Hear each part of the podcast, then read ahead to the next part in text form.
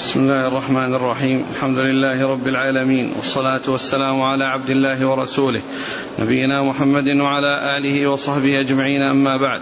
فيقول أمير المؤمنين في الحديث أبو عبد الله محمد بن إسماعيل البخاري رحمه الله تعالى يقول في كتابه الجامع الصحيح باب حج الصبيان. قال حدثنا أبو النعمان قال حدثنا حماد بن زيد عن عبيد الله بن أبي يزيد قال سمعت ابن عباس رضي الله عنهما يقول بعثني أو قدمني النبي صلى الله عليه وآله وسلم في الثقل من جمع بليل. بسم الله الرحمن الرحيم. الحمد لله رب العالمين وصلى الله وسلم وبارك على عبده ورسوله نبينا محمد وعلى آله وأصحابه أجمعين. أما بعد يقول الإمام البخاري رحمه الله باب حج الصبيان. باب حج الصبيان. يعني أن الصبيان يحجون ويحج بهم ولكنه بعد البلوغ لا بد من أن يأتوا بحجة الإسلام. ولكن الحج قبل ذلك يعني في حال صغرهم وعدم بلوغهم هو نافل نافلة لهم. وبعد البلوغ يأتون بحجة الإسلام لأنه جاء يعني من الحديث ما يدل على ذلك. وقد أورد البخاري رحمه الله عدة أحاديث في هذا منها حديث ابن عباس.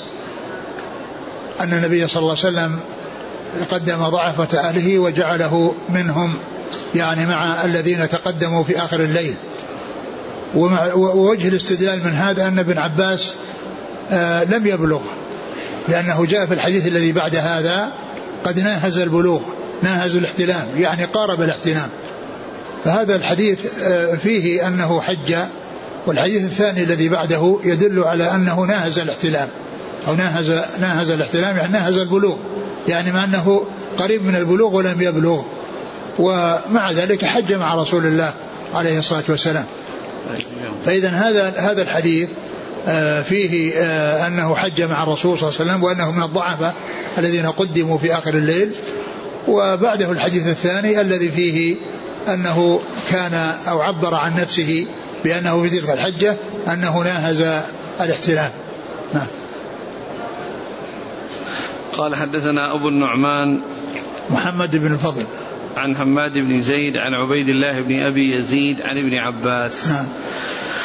قال حدثنا إسحاق قال أخبرنا يعقوب بن إبراهيم قال حدثنا ابن أخي بن شهاب عن عمه قال أخبرني عبيد الله بن عبد الله بن عتبة بن مسعود أن عبد الله بن عباس رضي الله عنهما قال أقبلت وقد ناهزت الحلم أسير على أتان لي ورسول الله صلى الله عليه وآله وسلم قائم يصلي بمنى حتى سرت بين يدي بعض الصف الأول ثم نزلت عنها فرتعت فصففت مع الناس وراء رسول الله صلى الله عليه وسلم.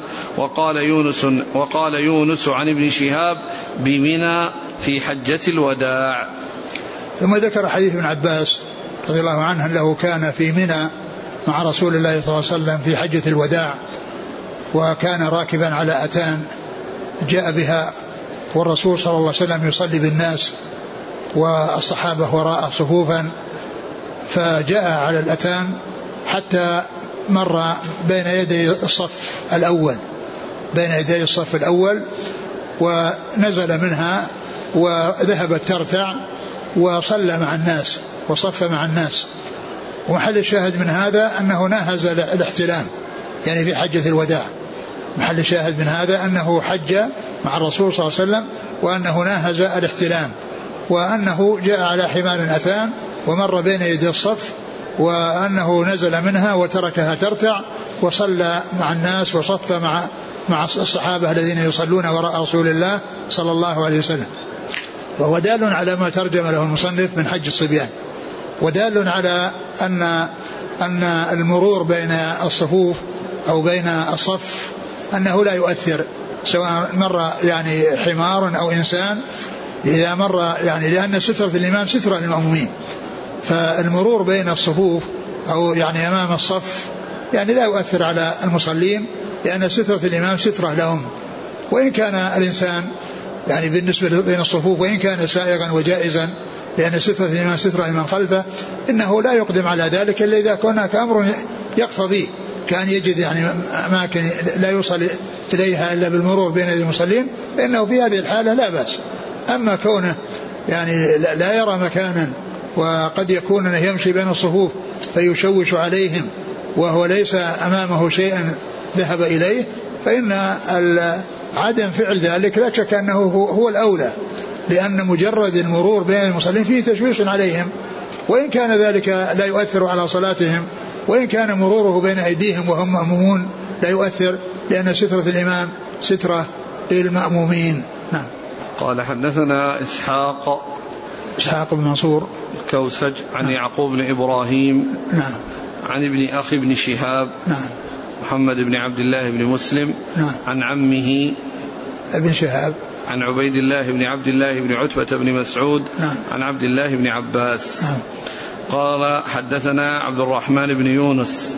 قال حدثنا حاتم بن إسماعيل عن محمد بن يوسف عن السائب بن يزيد رضي الله عنه أنه قال حج بي مع رسول الله صلى الله عليه وآله وسلم وأنا ابن سبع سنين. وهذا أيضا يعني مما يدل على حج الصبيان وفيه أن السائب بن يزيد رضي الله عنه آه، أخبر عن نفسه بأنه حج به مع الرسول صلى الله عليه وسلم وهو ابن سبع سنين. حج به مع رسول الله صلى الله عليه وسلم وهو ابن سبع سنين. يعني معناه أنه سنه صغير وأصغر من ابن عباس.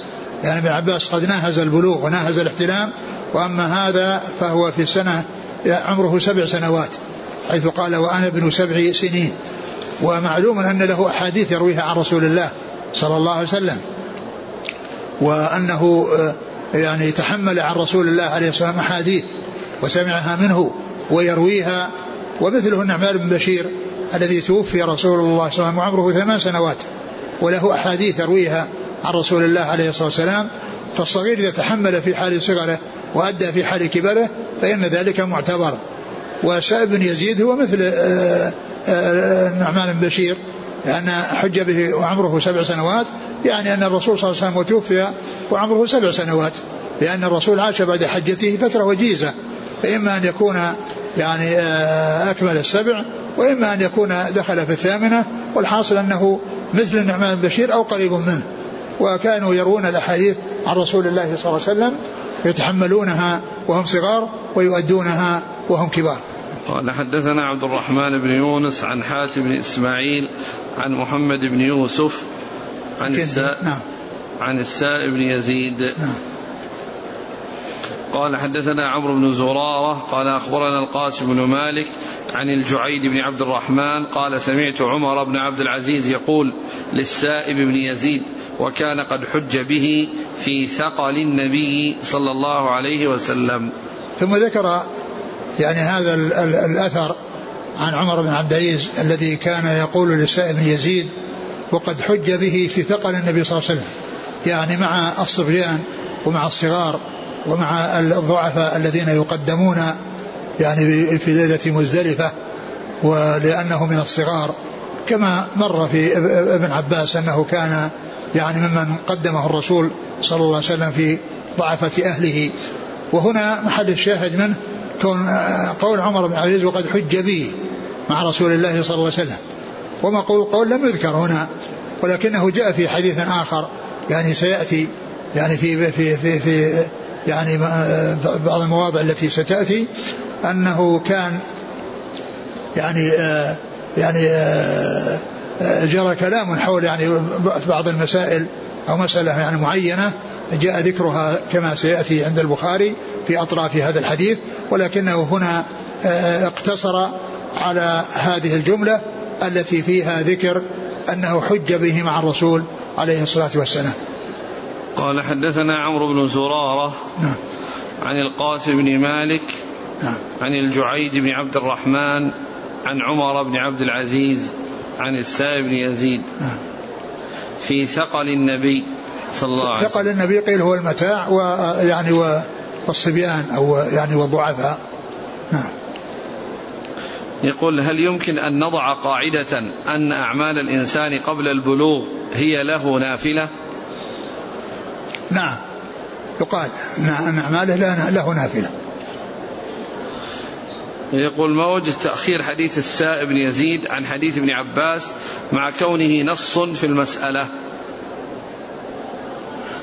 يعني يعني كلها أقول كلها يعني كلها تدل على هذا كلها تدل على هذا. يعني حديث هذا قال نهجت الاحتلام وهذا قال وأنا ابن سبع سنين وكل ذلك داخل تحت اسم الصبيان. قال رحمه الله تعالى باب حج النساء. وقال وقال وقال لي أحمد بن محمد قال حدثنا إبراهيم عن أبيه عن جده أذن عمر رضي الله عنه لأزواج النبي صلى الله عليه وسلم في آخر حجة حجها فبعث معهن عثمان بن عفان وعبد الرحمن. وهذا في حج النساء. ومما يتعلق بحج الصبيان آه الذي يعني آه الحديث الذي جاء في صحيح مسلم وهو يعني آه يدل على الحج حتى بالصغير الذي يحمل أن الرسول صلى الله عليه وسلم جاء أو مر على أناس وسألهم وسألوه وقالوا من أنت؟ قال رسول الله فرفعت إليه امرأة. يعني وكانت راكبة صبيا بين يديها وقالت ألي هذا حج؟ قال نعم ولك أجر. ألي هذا حج؟ ولك أجر. فهذا أيضا مما يدل على حج الصبيان. الصغار جدا. وقد أخرجه مسلم في صحيحه. وقد أخرجه مسلم في صحيحه ولم يخرجه البخاري لأنه ليس على شرطه. نعم. قال وقال لي أحمد بن محمد هو؟ بن الوليد الأزرقي نعم. عن إبراهيم بن سعد بن إبراهيم. بن عبد الرحمن بن عوف. نعم. عن أبيه نعم. سعد بن إبراهيم. نعم. عن جده إبراهيم بن عبد الرحمن. قال أذن عمر رضي الله عنه لأزواج النبي صلى الله عليه وسلم في آخر حجة حجها. أذن عمر رضي الله عنه في آخر حجة حجها لأزواج الرسول صلى الله عليه وسلم بالحج وأن يعني وجعل معهن عثمان وعبد الرحمن عثمان بن عفان وعبد الرحمن بن عوف رضي الله تعالى عنهما. وهذا فيه حج النساء. يعني فيه حج النساء يعني للتطوع. ومعلوم أن المرأة تسافر مع محرم كما جاء في الأحاديث التي ستأتي وأن المرأة لا تسافر إلا مع ذي محرم. ولكن يعني ما حصل لأمهات المؤمنين إنما حصل من من عمر رضي الله عنه. من أجل تمكينهن من هذا الحج الذي هو أفضل الجهاد في حقهن الذي هو الحج كما جاء ذلك في بعض الأحاديث وسيأتي. ف و فلا يقال إن المرأة تحج مع غيرها مما ليس محارم لها لأنه جاء عن النبي صلى الله عليه وسلم لا يحل لامرأة تؤمن بالله واليوم الآخر أن تسافر إلا مع ذي محرم. ولكن هذا إنما هو في أمهات المؤمنين رضي الله عنهن وهن أمهات المؤمنين كما قال الله عز وجل وأزواجه أمهاتهم فإذا هذا لا يقال أنه يدل على أن عمر يعني يبيح للمرأة أنها تسافر من غير محرم وإنما هذا جاء في حق أمهات المؤمنين لأنهن لهن حق الاحترام والتوقير و فحجهن يعني مع مع أنه يعني لهذا الوصف الخاص بهن ومع أبنائهن يعني الذي لهم عثمان بن عفان وعبد الرحمن بن عوف يعني يدل ذلك على أن هذا مستثنى وأنه لا يقال إن النساء يعني يخرجن للحج أو للسفر بدون محارم بل لا بد من اعتبار المحرم. كما قال عليه السلام لا لا لا تسافر لا يحل لامرأة باليوم الآخر بالله واليوم الآخر أن تسافر إلا مع ذي محرم. نعم. قال حد قال أذن عمر رضي الله عنه أزواج النبي صلى وسلم في آخر حجة حجها فبعث معهن عثمان بن عفان وعبد الرحمن. يعني فكأن فيه استئذان وأنه طلبن ذلك وأنه أذن لهن وأنه جعل معهن يعني آه يعني هذين الرجلين العظيمين الذين هم من العشرة هم بشيرين بالجنة عثمان بن عفان وعبد الرحمن بن عوف. رضي الله تعالى عنهما. قوله صلى الله عليه وسلم في حجة الوداع ثم ظهور الحصر. يعني معناه أن أن, أن, أن الشيء اللازم الشيء اللازم هو الحج. وأما الباقي فإن يعني إنه مستحب.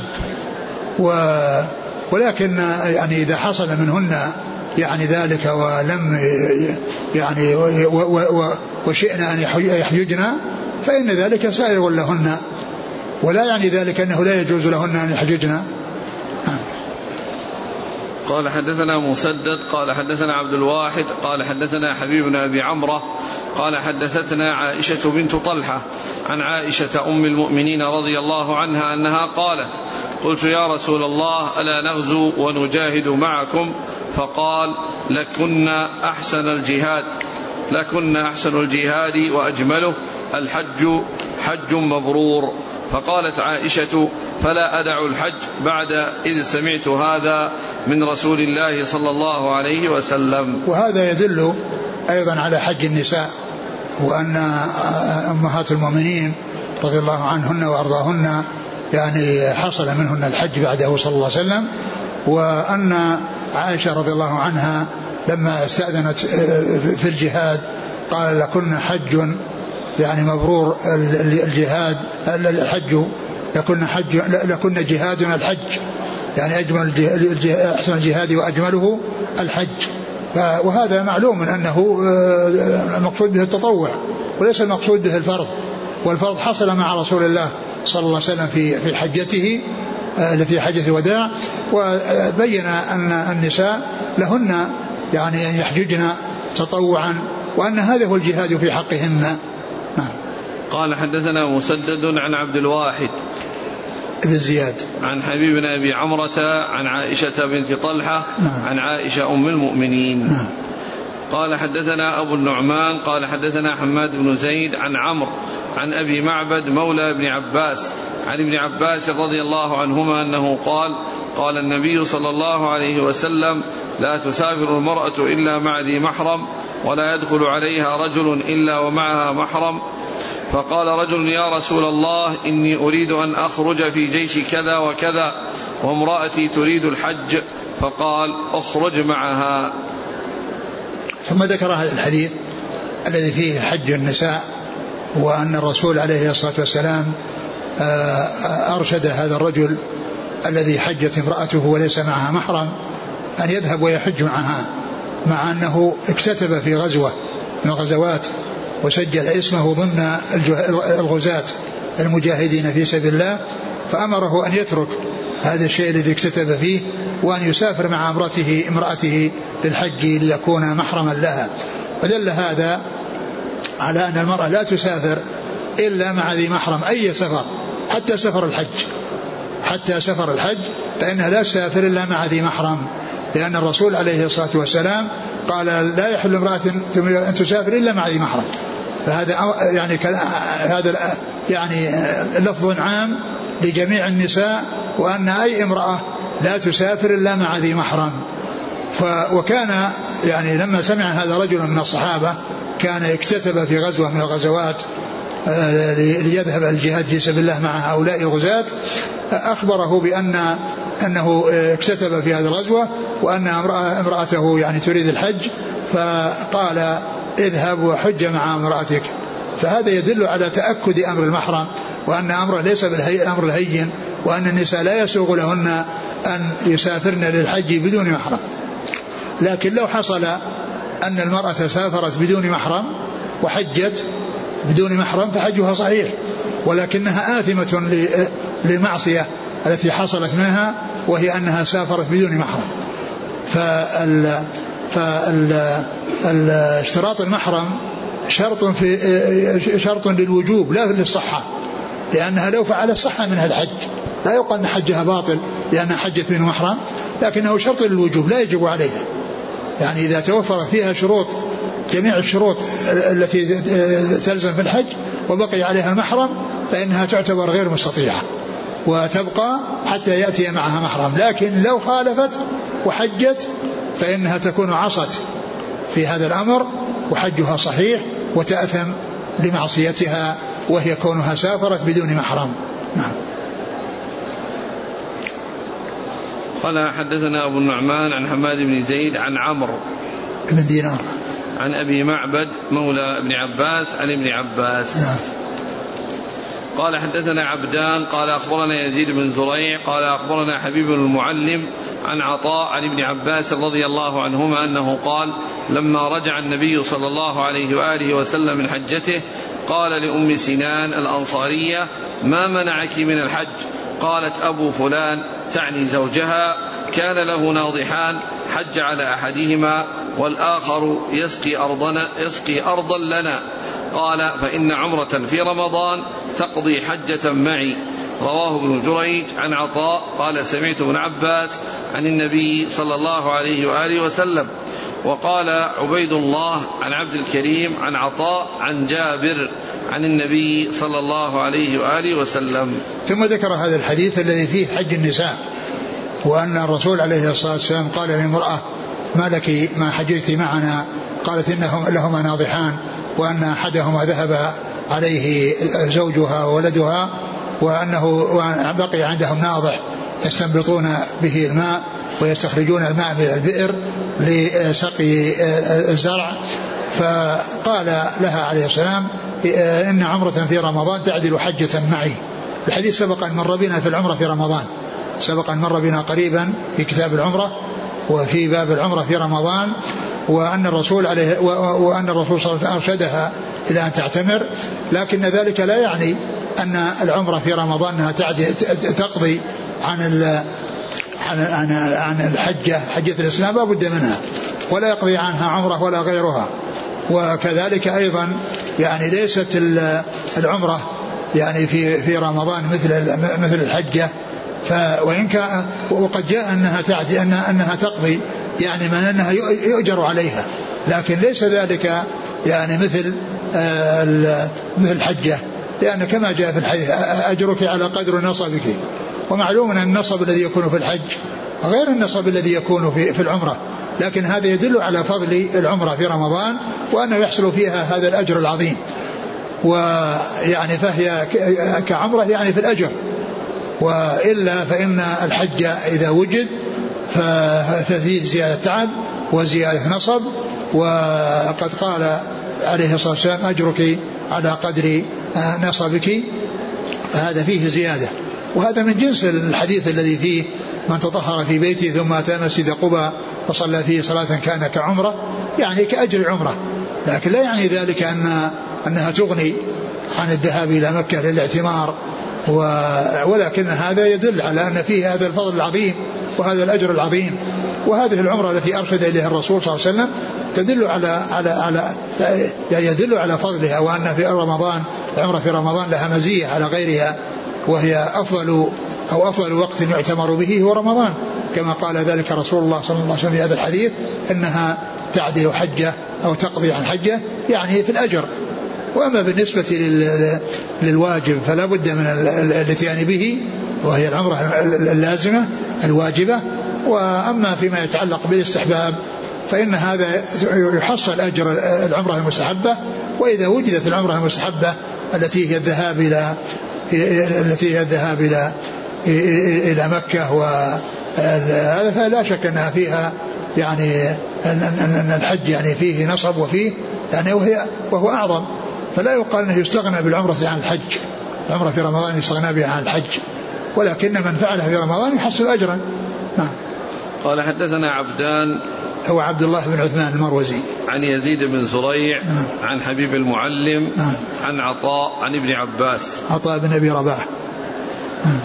وقال عبيد الله عن عبد الكريم عبيد الله العمري. بن عمرو الرقي. آه. عن عبد الكريم. الجزري. بن مالك الجزري عن عطاء عن جابر. آه. قال حدثنا سليمان بن حرب. قال يعني, يعني أنه جاء عن عن جابر وعن ابن عباس. وعن ابن عباس. نعم. هذا يقول هل العمرة في رمضان تعدل أجر الحج خاص بهذه المرأة أم أنت أنه تشريع لعامة لا عام عام ليس خاصا بهذه المرأة. يعني ليس خاصا لأنه في الحديث الذي سبق يعني ما يعني قال عمرة في رمضان تعدل حجة. يعني معناه للنساء. يعني ليس خاصا بهذه المرأة. والإمام البخاري رحمه الله أورده في حج النساء. يعني ليس خاصا بهذه المرأة المعينة. قال حدثنا سليمان بن حرب قال حدثنا شعبة عن عبد الملك بن عمير عن قزعة مولى زياد قال سمعت أبا سعيد وقد غزا مع النبي صلى الله عليه وسلم ثنتي عشرة غزوة. قال أربع سمعتهن من رسول الله صلى الله عليه وسلم أو قال يحدثهن عن النبي صلى الله عليه وسلم فأعجبنني وآنقنني. ألا تسافر امرأة مسيرة يومين ليس معها زوجها أو ذو محرم ولا صوم يومين الفطر والأضحى ولا صلاة بعد صلاتين بعد العصر حتى تغرب الشمس وبعد الصبح حتى تطلع الشمس ولا تشد الرحال إلا إلى ثلاثة مساجد مسجد الحرام ومسجد ومسجد الأقصى ثم ذكر هذا الحديث في الباب إيش؟ نفس الباب حج النساء. نعم في باب حج النساء. أورد هذا الحديث الذي عن أبي سعيد الخدري وكان قد غزا مع رسول الله 12 غزوة وأنه قال أربع أربع أربع أربع سمعتهن. أربع سمعتها من الرسول صلى الله عليه وسلم. أعجبنني وأنقنني أعجبنني وأنقنني يعني أنقنني بمعنى أعجب أعجبنني. يعني معناه أنه يعني سر بها وأنه آه، أنها أعجبته جدا ولهذا عبر بعبارتين يعني مؤداهما واحد لأن أنقنني بمعنى أعجب أعجبنني و آه، فهو يعني توضيح للإعجاب ومبالغة في الإعجاب. وأن هذه الأربع أن الرسول صلى الله عليه وسلم قال لا لا يحل لا لا تسافر. لا تسافر امرأة مسيرة يومين ليس معها زوجها. لا تسافر امرأة مسيرة يومين ليس معها زوجها ولا ذو محرم منها. لا أو ذو محرم. أو ذو محرم. آه فهذا يعني أيضا من الأدلة الدالة على يعني أن النساء لا تسافر إلا مع ذي محرم وأن ما جاء من التقييد لأن التقييد جاء في عدة روايات ولكن الـ الـ الـ الـ الـ الـ الـ الاعتبار بالرواية المطلقة التي سبق أن مرت التي فيها أنه قال لا يحل امرأة من تسافر إلا مع ذي محرم أن تسافر الذي مع محرم وأمر الرجل الذي أراد الحج أراد الغزو أن أن يترك الغزو وأن يخرج مع امرأته إلى الحج. وهو مطلق. فأي سفر يعني سواء يعني كان يومين أو أكثر أو أقل فإنه آه يعني لا يحل للمرأة أن تفعله إلا ومعها زوجها أو أو ذي محرم منها. معها زوجها أو ذو محرم منها لأن الزوج يعني آه، هو من محارمها ما دامت في عصمته. لكنه لو طلقها صارت أجنبية منه. وأما المحرم الذي هو ثابت ومستقر فهو يعني من تحرم عليه على التأبيد بنسب أو سبب مباح. يعني معناها أنها تحرم عليه أبدا فهذا هو محرمها. بخلاف الذي تحرم عليه مؤقتا ك ك ك يعني أخت الزوجة وأخت وكذلك العمة والخالة يعني فإنه ليس له أن يتزوج يعني يعني الأخت أو العمة أو الخالة وهي يعني مع مع وجود امرأته يعني التي هي يعني أخت لهذه يتزوجها لأن هذا التحريم مؤقت ما دامت هذه المرأة في عصمته. فلو ماتت أو طلقها جاز له أن يتزوج أختها وأن يتزوج عمتها وأن يتزوج خالتها أو يعني آه، بنت أختها أو بنت بنت عمتها. يعني الأمر واسع في هذا يعني فيما يتعلق كونه إذا إذا ماتت إذا ماتت في عصمته أو طلقها فإنه يتزوج. هذه القريبات التي لا يجوز الجمع بينهما بينها وبينهن. ثم قال ولا آه، صوم يومين عيد الأضحى وعيد الفطر. يعني فهذان العيدان في السنة لا يجوز صومهما بإجماع العلماء. في أي حال من الأحوال حتى فيما يتعلق بالذي آه، جاز فيه صيام أيام التشريق لمن لم يجد الهدي لا يجوز أن يصام يوم العيد. لا يجوز أن يصام يوم عيد الأضحى وإنما أبيح صيام أيام التشريق الثلاثة لمن لم يجد الهدي آه، ولم يصم قبل ذلك أي لم يصم ثلاثة أيام قبل يوم عرفة أو قبل يوم العيد. أما يوم العيد فإنه لا يجوز صيامه بأي حال من الأحوال يوم ويومان لا يجوز صومهما. و ولا وكذلك الصلاة بعد العصر حتى تغرب الشمس وبعد الفجر حتى تطلع الشمس. فأيضا كذلك أيضا يعني لا لا يجوز فعل ذلك في الصلاة في هذه الأوقات. وكذلك أيضا قال لا تشد رحال إلا ثلاث مساجد المسجد الحرام ومسجد هذا والمسجد الأقصى. فهذه أمور أربعة كلها من المناهي يعني يرويها أبو سعيد عن رسول الله صلى الله عليه وسلم ومحل الشاهد من إيراد الحديث هنا الجملة الأولى منه وهي سفر المرأة بدون محرم قال حدثنا سليمان بن حرب عن شعبة عن عبد الملك بن عمير عن قزعة مولى زياد نعم. عن أبي سعيد نعم. قال رحمه الله تعالى باب من نذر المشي إلى الكعبة. قال حدثنا ابن سلام قال أخبرنا الفزاري عن حميد الطويل قال حدثني ثابت عن أنس رضي الله عنه أن النبي صلى الله عليه وآله وسلم رأى رجلا رأى شيخا يهادى بين ابنيه فقال ما بال هذا؟ قالوا نذر أن يمشي قال إن الله عن تعذيب هذا نفسه لغني أمره أن يركب. ثم ذكر هذا الحديث. ذكر باب باب النذر. من نذر المشي إلى الكعبة. من نذر المشي إلى الكعبة. يعني ماذا يصنع؟ هل يروح يمشي؟ أو أن أو أنه آه، أو أنه يركب. فأورد في هذا الحديث عن هذا في قصة هذا الرجل الذي يهادى بين ابنيه وقال ما هذا؟ قال النذر المشي. فقال إن الله لغني عن هذا نفسه عن تعذيب هذا نفسه. عليه يعني ليركب وأرشد أرشده إلى أن يركب وأن يعني يحج راكبا. والرسول عليه الصلاة والسلام قد حج راكبا وهو أفضل الخلق. والحج راكبا قيل إنه أفضل من الحج ماشيا لأنه فعل الرسول صلى الله عليه وسلم لأنه فعل الرسول عليه الصلاة والسلام فأمرها أمر هذا أن يركب. ولكنه جاء في بعض الأحاديث أن من نذر يعني أن كفارة النذر كفارة يمين. إذا إذا نذر شيئا ولم يتمكن من فعله أو لا يمكنه فعله فإنه يكفر عنه كفارة يمين. وكفارة اليمين جاء ذكرها في القرآن.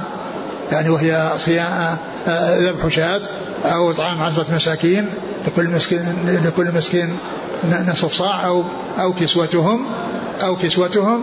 فمن لم يستطع أو من لم يجد هذه الأمور ينتقل إلى صيام ثلاثة أيام. ينتقل إلى صيام ثلاثة أيام. فقد جاء في الحديث أن كفارة النذر كفارة يمين. مرة ثانية. ها؟ كفارة إيش؟ لا أعيدوا لو سمحتم كفارة النذر كفارة يمين.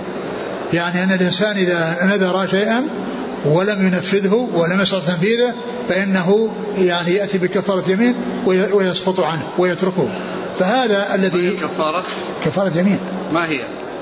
هي إطعام عشرة مساكين. آه، ذبح شاة لا. آه، عتق رقبة عتق. رقبة أو إطعام ستة عشرة مساكين لكل مسكين نصف صاع أو, أو, أو كسوتهم ومن لم يستطع صام ثلاثة أيام. فهي هي عتق رقبة وليس ذبح شاة.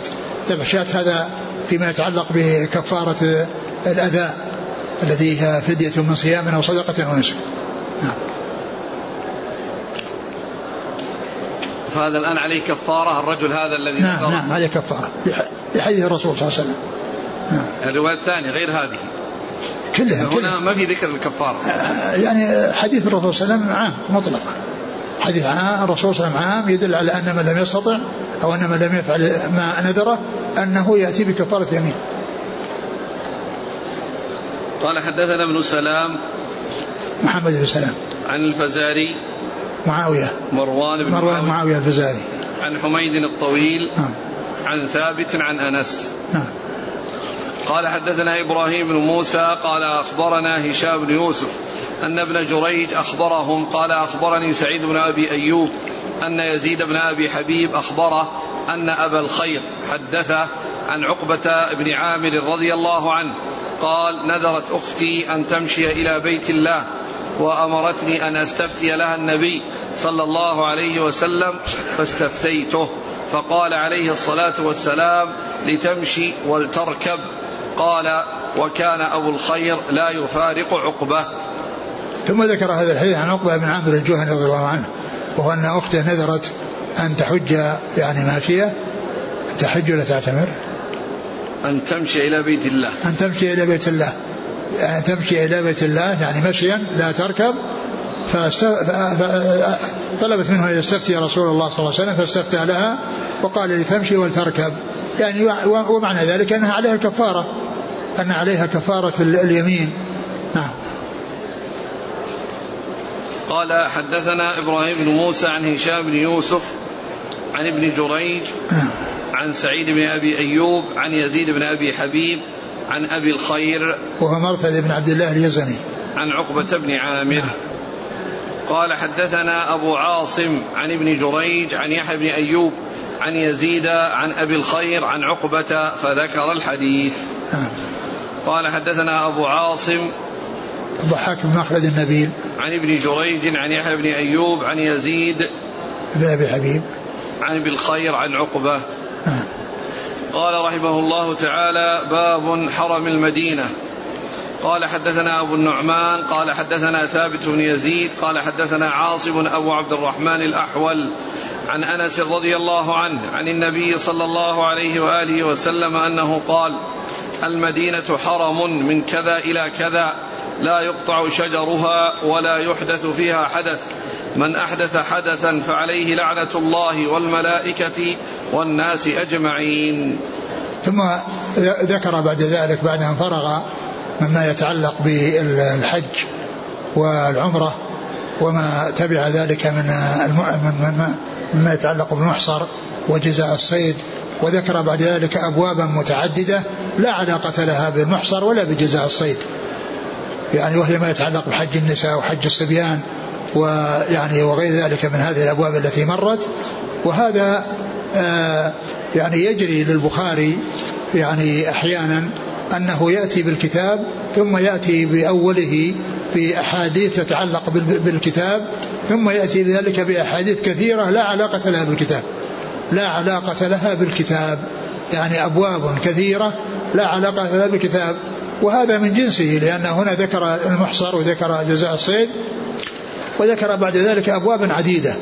ولهذا الحافظ بن حجر لما لما ختم أو ذكر الخاتمة التي يختم بها ويذكر فيها عدد الأحاديث التي مرت قال إن هذا الحديث اشتمل على كذا من الأحاديث آه، تتعلق بالمحصر وجزاء الصيد وما ذكر مع مع ذلك.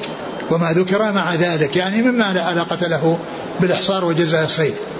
يعني. فهذه طريقة البخاري رحمه الله. فكتاب الأذان ذكر فيه أحاديث تتعلق بالأذان ثم أتى بأحاديث كثيرة لا علاقة لها بالأذان. وهكذا. وأنا ذكرت ذلك في مقدمة آه، آه، شرح آه، أدب المشي إلى الصلاة. الشيخ محمد الوهاب رحمه الله لأن الكتاب اسم أدب المشي إلى الصلاة. وهو مشتمل على هذا وعلى غيره لكن هذا أول باب فيه. باب أدب المشي إلى الصلاة فسمي سميت الرسالة بأنها أدب المشي إلى الصلاة مع أنها في أدب المشي إلى الصلاة وغيره. فيها فيها الصلاة وفيها الزكاة وفيها الصيام فيها أمور كثيرة. يعني ليست متعلقة بأدب لكن هذا على ما جرت به العادة أنهم يذكرون أول شيء ثم يأتون بأشياء تابعة له. ولهذا بعض أهل العلم كالدار قطني عندما يأتي في بعض الأبواب يقول باب كذا وغيره. باب كذا وغيره. يعني الشيء الذي يتعلق في الموضوع نص عليه ثم عطف عليه يعني ذكر أحاديث أخرى لا علاقة لها بالباب لكنها تدخل تحت كلمة وغيره. لكنها تدخل تحت كلمة وغيره. ثم إنه ذكر هنا يعني هذا اللي هو كتاب فضائل المدينة وذكر حرم المدينة. وذكر فيه جملة من الأحاديث تتعلق بحرم المدينة. اولها هذا الحديث الذي قال فيه النبي صلى الله عليه وسلم المدينة حرم ما بين عائر. من كذا إلى كذا. حرم حرم. من كذا من كذا إلى كذا. يعني هذا إبهام آه، الحد الذي ذكر. يعني من كذا إلى كذا. وجاء بعض الروايات من عير إلى ثور. يعني من عير إلى ثور. من كذا إلى كذا. آه. لا يقطع شجرها ولا يحدث فيها حدث. لا يقطع شجرها ولا يحدث فيها حدث. يعني والمدينة تعامل معاملة مكة. حرم المدينة يعامل معاملة مكة. فلا يقطع الشجر ولا يصاد الصيد ولا تلتقط اللقطة إلا لمن يعرفها. فالأمور التي آه، منعت في مكة هي منعت في حرم في حرم المدينة. ثم ثم قال لا يرضي ولا يحدث فيها حدث. ولا يحدث فيها حدث. ثم قال من حدث حدثا فعليه لعنة الله والملائكة والناس أجمعين لا يقبل منه صرف ولا عدل. لا يقبل منه صرف ولا عدل. وهذا يدلنا على خطورة الإحداث في مدينة الرسول صلى الله عليه وسلم وأن من فعل ذلك مستحق يعني لهذا الوعيد الذي جاء التوعد فيه في هذا الحديث الصحيح عن رسول الله صلى الله عليه وسلم قال حدثنا أبو النعمان عن ثابت بن يزيد نعم. عن عاصم أبي عبد الرحمن الأحول عن أنس نعم. قال حدثنا أبو معمر قال حدثنا عبد الوارث عن أبي التياح عن أنس رضي الله عنه قال قدم النبي صلى الله عليه وسلم المدينة وأمر ببناء المسجد فقال يا بني النجار ثامنوني. فقالوا لا نطلب ثمنه إلا إلى الله. فأمر بقبور المشركين فنبشت ثم بالخرب فسويت وبالنخل فقطع فصف النخل قبله قبلة المسجد. ثم قال إيش؟ الحديث؟ عن أنس قال قدم النبي صلى الله عليه وسلم المدينة. وأمر ببناء المسجد. قدم الرسول صلى الله عليه وسلم المدينة فأمر ببناء المسجد. وكان عليه الصلاة والسلام لما قدم المدينة نزل في قبى أيام وبنى مسجد قبى وصلى فيه.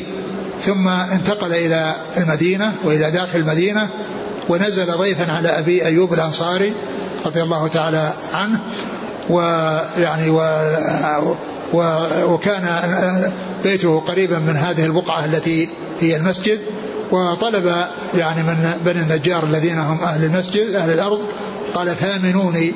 يعني معناه أنه يعني تفاوض معهم على أن يعني يذكروا ثمنا لهذه القطعة التي يريد النبي صلى الله عليه وسلم يجعلها مسجدا وكان فيها يعني خربات وفيها جذوع نخل أو فيها نخل وفيها مقابر لبعض المشركين فالرسول عليه الصلاة والسلام أمر بالقبور فنبشت وأمر بالنخل فقطع والخربات فهدمت و وبنى مسجده صلى الله عليه وسلم وبنى حجراته بجوار مسجده صلى الله عليه وسلم ثم انتقل إليها إلى الحجرات. يعني الحجرات أمهات المؤمنين حصل الانتقال إليها بعد بناء المسجد وبناء الحجرات بجواره وبناء الحجرات بجواره. ف يعني فهذا الحديث يتعلق بمقدم الرسول صلى الله عليه وسلم المدينة وأنه هو الذي بنى هذا المسجد وأنه يعني تولى بناءه عليه الصلاة والسلام. ومعلوم أن المدينة كلها حرم والمسجد هو في طليعتها وهو أصلها وهو الذي يعني له الميزة يعني على غيرها على غير على غيره لكن من حيث الحرمة المدينة كلها حرم لا يصاد صيدها ولا يقطع شجرها ولا تلتقط لقطتها ولا شك أن المسجد الذي هذا أفضل البقاع في هذه المدينة ولأن الصلاة فيه خير من ألف صلاة فيما سواه. وهذا بخلاف المساجد الأخرى في المدينة فإن الصلاة فيها ليس لها ليس فيها هذه الفضيلة وإنما هذه الفضيلة من خصائص هذا المسجد المبارك الذي بناه الرسول صلى الله عليه وسلم. أمر بناء المسجد؟ فقال يا بني النجار ثامنوني. فقالوا لا نطلب ثمنه إلا إلى الله. يعني أنهم أعطوه يرجون ثوابه من الله. لم يأخذوا عليه ثمنا دنيويا وإنما يريدون أن يحصلوا ثمنه في الآخرة. وأن يحصلوا الآخرة وأنهم يريدون تجارة الآخرة ولا يريدون تجارة الدنيا. فأمر بقبور المشركين فنبشت ثم بالخراب فسويت وبالنخل فقطع فصف النخل قبلة المسجد. نعم. قال حدثنا أبو معمر. عبد عبد الله. عبد الله بن سخبرة. نعم. عدد الثاني عبد الله. ما هو المقعد؟ عبد الله بن عمرو المنقري. المقعد؟ نعم. عن عبد الوارث. ابن سعيد العنبري. عن أبي التياح. هو؟ يزيد بن حميد. نعم عن أنس. نعم. قال حدثنا إسماعيل بن عبد الله قال حدثني أخي عن سليمان عن عبيد الله عن سعيد المقبوري عن أبي هريرة رضي الله عنه أن النبي صلى الله عليه وسلم قال حرم ما بين لابتي المدينة على لساني. قال وأتى النبي صلى الله عليه وآله وسلم بني حارثة فقال أراكم يا بني حارثة قد خرجتم من الحرم. ثم التفت فقال بل أنتم فيه. ثم ذكر هذا الحديث عن أبي هريرة أن النبي صلى الله عليه وسلم قال حرم حرم ما بين لابتي المدينة على لساني. حرم ما بين لابتي المدينة على لساني. يعني الله حرمه على لسان رسوله صلى الله عليه وسلم أي أنه هو الذي أظهر الحرمة وهو الذي بينها للناس. كما جاء في الحديث أن إبراهيم حرم مكة وأني حرمت المدينة. يعني أن الله هو الذي حرم مكة والمدينة وجعلهما حرما وإبراهيم عليه الصلاة والسلام هو الذي أظهر حرمة مكة ومحمد صلى الله عليه وسلم هو الذي أظهر حرمة المدينة. وهنا قال على لساني يعني أنه تكلم بها بوحي من الله سبحانه وتعالى لأنها من السنة. وهذا يبين لنا أن السنة هي من الله. ولهذا قال حرم والمحرم هو الله. ولكنه يعني ظهر التحريم على لسانه صلى الله عليه وسلم. وهذا يدلنا على جواز مثل هذه العبارة. يعني قال الله عز وجل على لسان نبيه يعني فهذا يقول حرم على لسانه. وجاء في ذلك أحاديث عديدة تتعلق بهذا موجودة يعني في في سنن أبي داود وفي ابن ماجة يعني فيها هذه العبارة التي هي على على لسان نبيه أو على لسان آه، وهنا قال على لساني يعني دل على أن مثل هذا التعبير سائغ وأنه لا بأس به لأن الرسول صلى الله عليه وسلم أوحي إليه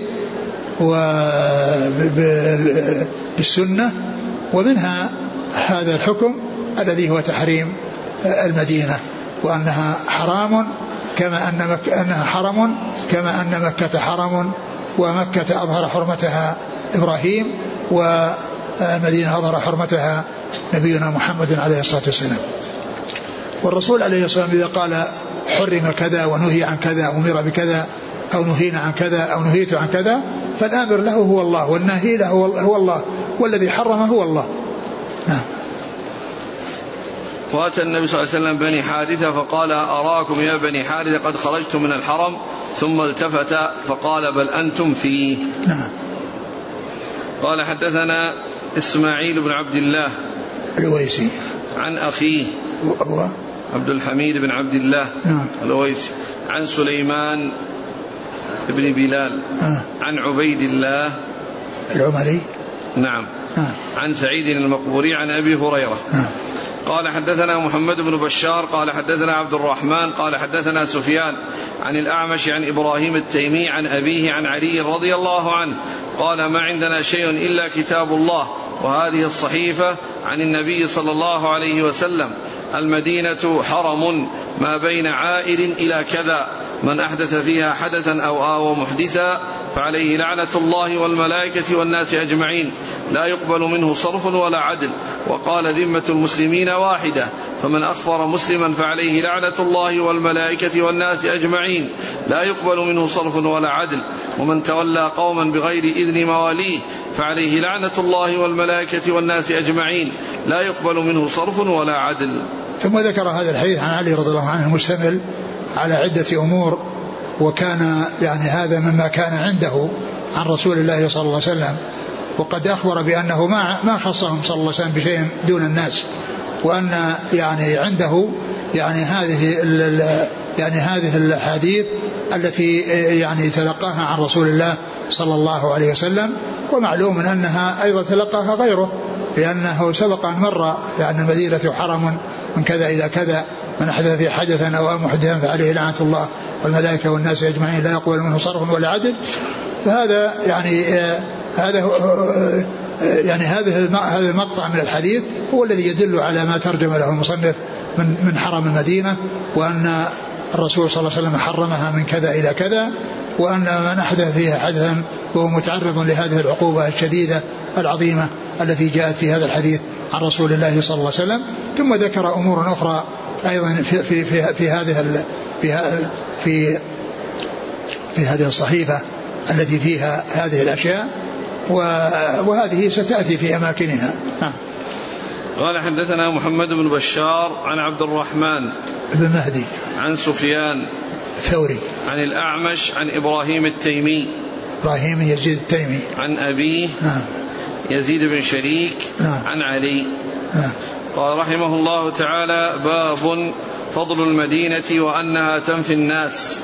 قال حدثنا عبد الله بن يوسف قال أخبرنا مالك عن يحيى بن سعيد قال سمعت أبا الحباب سعيد بن يسار يقول سمعت أبا هريرة رضي الله عنه يقول قال رسول الله صلى الله عليه وآله وسلم أمرت بقرية تأكل القرى يقولون يثرب وهي المدينة تنفي الناس كما ينفي الكير خبث الحديد. ثم قال باب فضل المدينة. وأنها تنفي الناس. فضل المدينة وأنها تنفي الناس. يعني تنفيهم عنها بحيث يخرجوا منها. وأورد فيه هذا الحديث أن النبي صلى الله عليه وسلم قال أمرت بقرية تأكل القرى. يعني وهي هذه المدينة. أي أنه أمر بالهجرة إليها وإلى هذه القرية التي وصفها بأنها تأكل القرى. وفسر أكلها القرى بتفسيرين. كل منهما صحيح. وكل منهما قد حصل ووقع التفسير الأول أنها تنتصر على القرى.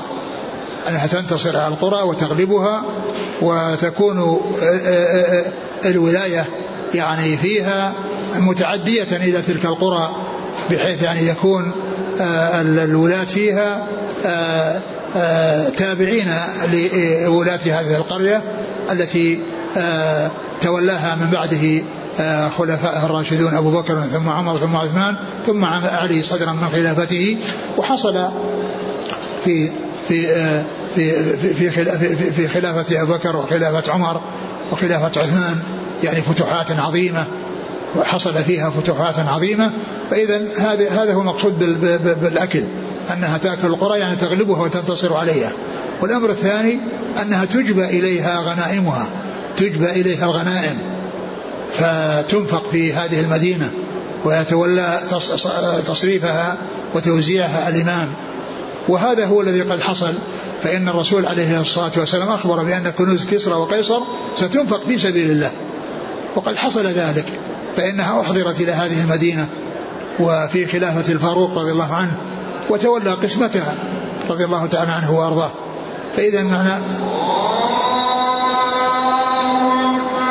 إذا أكل هذه القرية القرى معناه آه، الانتصار عليها وأنها تغلبها وتكون تحت يعني ولايتها وأيضا أنه تجلب إليها, إليها الغنائم فتقسم فيها. إيش بعده؟ أمرت بقرية تأكل القرى يقولون يثرب وهي المدينة تنفي الناس كما ينفي الكير خبث الحديد. نعم يقولون لها يثرب وهي المدينة يعني اسمها المدينة. ولهذا جاء إطلاق كلمة المدينة عليها في القرآن والسنة يطلق عليها المدينة وهو علم بالغلبة. إذا جاء لفظ المدينة مطلق فإنه يعني ينصرف إليها أي مدينة الرسول صلى الله عليه وسلم. وإذا جاء غيرها فإنه يحتاج إلى توضيح أو يوضح أو يعني يدل عليه يعني يعني ما قبله أو ما بعده. وأما إذا جاء لفظها على الإطلاق فإنه يراد بها المدينة. وقد جاء هذا اللفظ بالكتاب والسنة دون مقيد بشيء. وقد جاء يعني في بعض آه، كلام العلماء آه، الذين تأخر زمانهم يعني يعني شيء ما مثل ابن كثير والحافظ بن حجر فإنهم يعني يأتون يصفونها بالنبوية المدينة النبوية. وهذا جاء في فتح الباري وجاء في تفسير ابن كثير وفي البداية والنهاية أنه يعبرون عنها بالمدينة النبوية. وفي الأزمان المتأخرة يعني وصفت بالمنورة. ولا شك أنها يعني النور والهدى والحق إنما خرج من هذه المدينة. فكل خير إنما خرج من هذه المدينة وانتشر إلى أقطار الأرض من هذه المدينة. فالنور والهدى ونور الحق والهدى إنما خرج من هذه المدينة. وهذه التسمية متأخرة ولهذا لا توجد في كتب المتقدمين. لا توجد وإنما توجد كثيرا في زمن في كتب المتأخرين. نعم.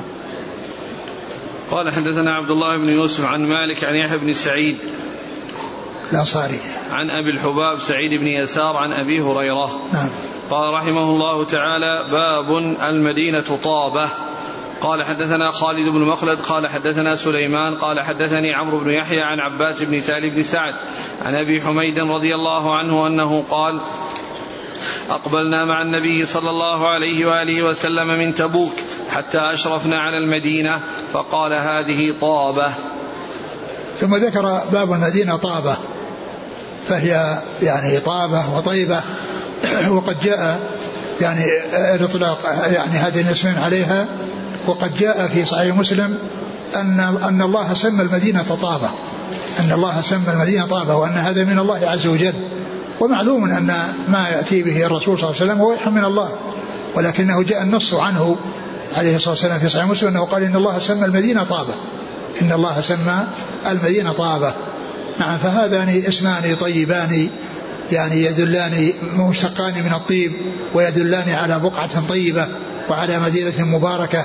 شع منها النور وانطلق منها الهداة مصلحون إلى أقطار الأرض فخرج أخرج الله الناس بهم من الظلمات إلى النور. قال حدثنا خالد بن مخلد القطواني. عن سليمان ابن بلال نعم. عن عمرو بن يحيى عن عباس بن سهل بن سعد عن أبي حميد. نعم. قال رحمه الله تعالى باب لابتي المدينة. قال حدثنا عبد الله بن يوسف قال أخبرنا مالك عن ابن شهاب عن سعيد بن المسيب عن أبي هريرة رضي الله عنه أنه كان يقول لو رأيت الظباء لو رأيت الظباء بالمدينة ترتع ما ذعرتها قال رسول الله صلى الله عليه وسلم ما بين لابتيها حرام. الصحابي أبي هريرة. نعم. ثم ذكر باب لابتي المدينة. واللابتين هي الحراء الحرتين التي تقع المدينة في بينهما. ف وهذا من من من من, من الألفاظ التي يعني جاءت تحت اسم الحرم. لأن الحرم جاء بعبارات يعني تدل على معنى ضيق وبعضها يدل على ما هو أوسع والأصغر داخل في الأكبر. يعني ما كان أصغر منها فإنه داخل في الأكبر. وهنا جاء يعني التعبير باللابتين وأن أبا هريرة رضي الله عنه قال لو رأيت المدينة الطباء ترتع بالمدينة ما دعرتها لأن النبي صلى الله عليه وسلم قال المدينة حرم. ما بين لبتيها المدينة قال أبو هريرة كان يقول لو رأيت الظباء بالمدينة ترتع ما دعرتها قال صلى الله عليه وسلم ما بين لابتيها حرام. نعم لأن النبي صلى الله عليه وسلم قال ما, ما بين لابتيها حرام. يعني أنه لا يصاد فيها صيد ولا ينفر ولا يزعج ولا يعني يقطع الشجر. نعم.